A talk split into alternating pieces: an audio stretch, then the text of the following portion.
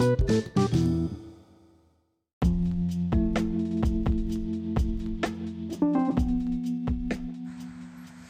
okay guys, jadi hari ini kita akan mencoba untuk mengulas sebuah tema terkait dengan uh, bagaimana organisasi bekerja.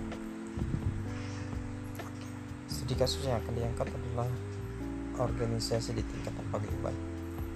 Di Manado ada berbagai macam organisasi paguyuban yang tentunya latar belakang dari organisasinya atau organisasi mahasiswa paguyuban organisasi paguyuban ini ada berdasarkan kebutuhan mahasiswa-mahasiswa dari luar daerah yang berstudi di Kota Manado khususnya. kita ambil satu contoh dari teman-teman mahasiswa di Maluku Utara. Untuk teman-teman mahasiswa Maluku Utara banyak yang telah berkuliah di sini dan men mencoba meramu satu konsep berhimpun atau suatu konsep berkumpul dalam bentuk organisasi paguyuban. Organisasi paguyuban itu sendiri bisa dikatakan sebagai wadah untuk menjalin silaturahmi, terus kemudian untuk saling membantu, sal, saling uh, memberikan nasihat dan sebagainya dari senior kepada adik-adik. Nah, ini organisasi yang mewadahi teman-teman dari daerah di luar Manado, teman-teman mahasiswa yang datang berkuliah dari luar Manado dan menetap selama perkuliahan di Manado. Tentunya tujuan organisasi ini dibangun untuk pertama menjaga silaturahmi tentunya dan juga mempermudah dalam hal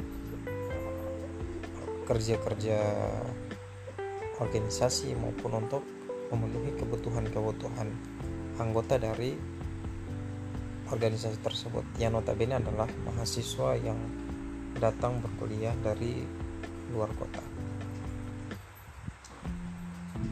Sekarang untuk organisasi sendiri kita tahu bersama bahwa ada beberapa aspek menjadi dasar berdirinya organisasi. Yang pertama tujuan.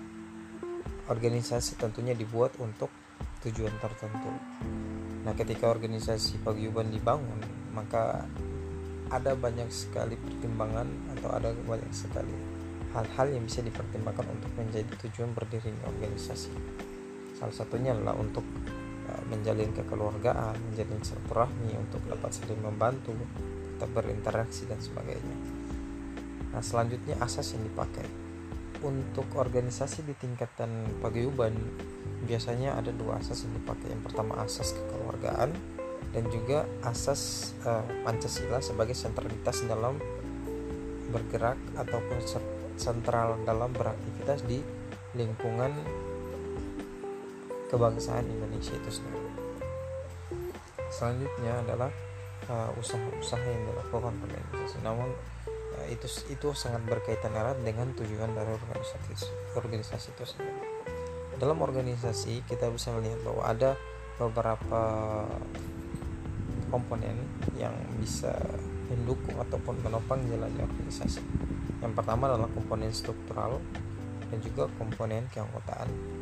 Untuk komponen struktural ini biasanya terdiri minimal terdiri dari tiga tiga bagian. Yang pertama ketua, kemudian sekretaris dan bendahara. Tiga komponen ini ini bisa dikatakan sebagai komponen berdirinya komponen minimal berdirinya suatu organisasi apa pun organisasinya. Nah, setiap organisasi itu membutuhkan struktural kepengurusan ataupun struktur dalam memulai ataupun menjalankan aktivitas organisasinya. Nah, selanjutnya adalah uh, elemen keanggotaan. Setiap organisasi tentunya membutuhkan anggota yang bertujuan untuk diayomi ataupun diwadahi dalam berbagai hal atau berbagai aspek. kita lihat sendiri untuk tingkatan paguyuban biasanya anggota yang ataupun orang-orang yang menjadi anggota paguyuban yaitu adalah orang-orang yang merupakan mahasiswa atau pelajar yang berasal dari luar kota tidur kepulauan. Skop dari organisasi ini dia terbatas pada skop kedaerahan.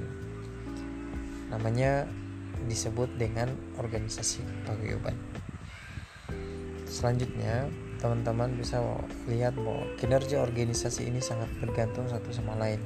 Eksistensi organisasi secara eksternal maupun internal itu sangat menentukan proses berjalannya organisasi dalam hal kepengurusan ataupun dalam hal struktural ini menjadi tanggung jawabnya teman-teman mengurus untuk tetap uh, berjalan pada koridor yang sudah disediakan ataupun sudah disiapkan sebelumnya.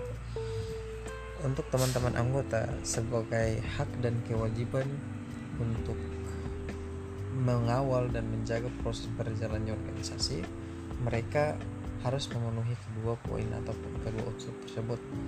Unsur kewajiban tentunya sudah tertera dalam peraturan ataupun asas ataupun anggaran dasar rumah tangga dari organisasinya.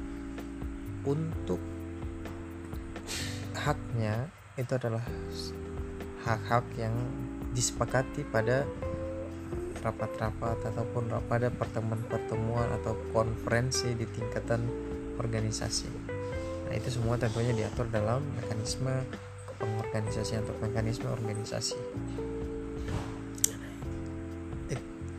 Selanjutnya kita akan uh, pending atau rehat sejenak. Nanti akan dilanjutkan kembali setelah beberapa pesan-pesan yang akan lewat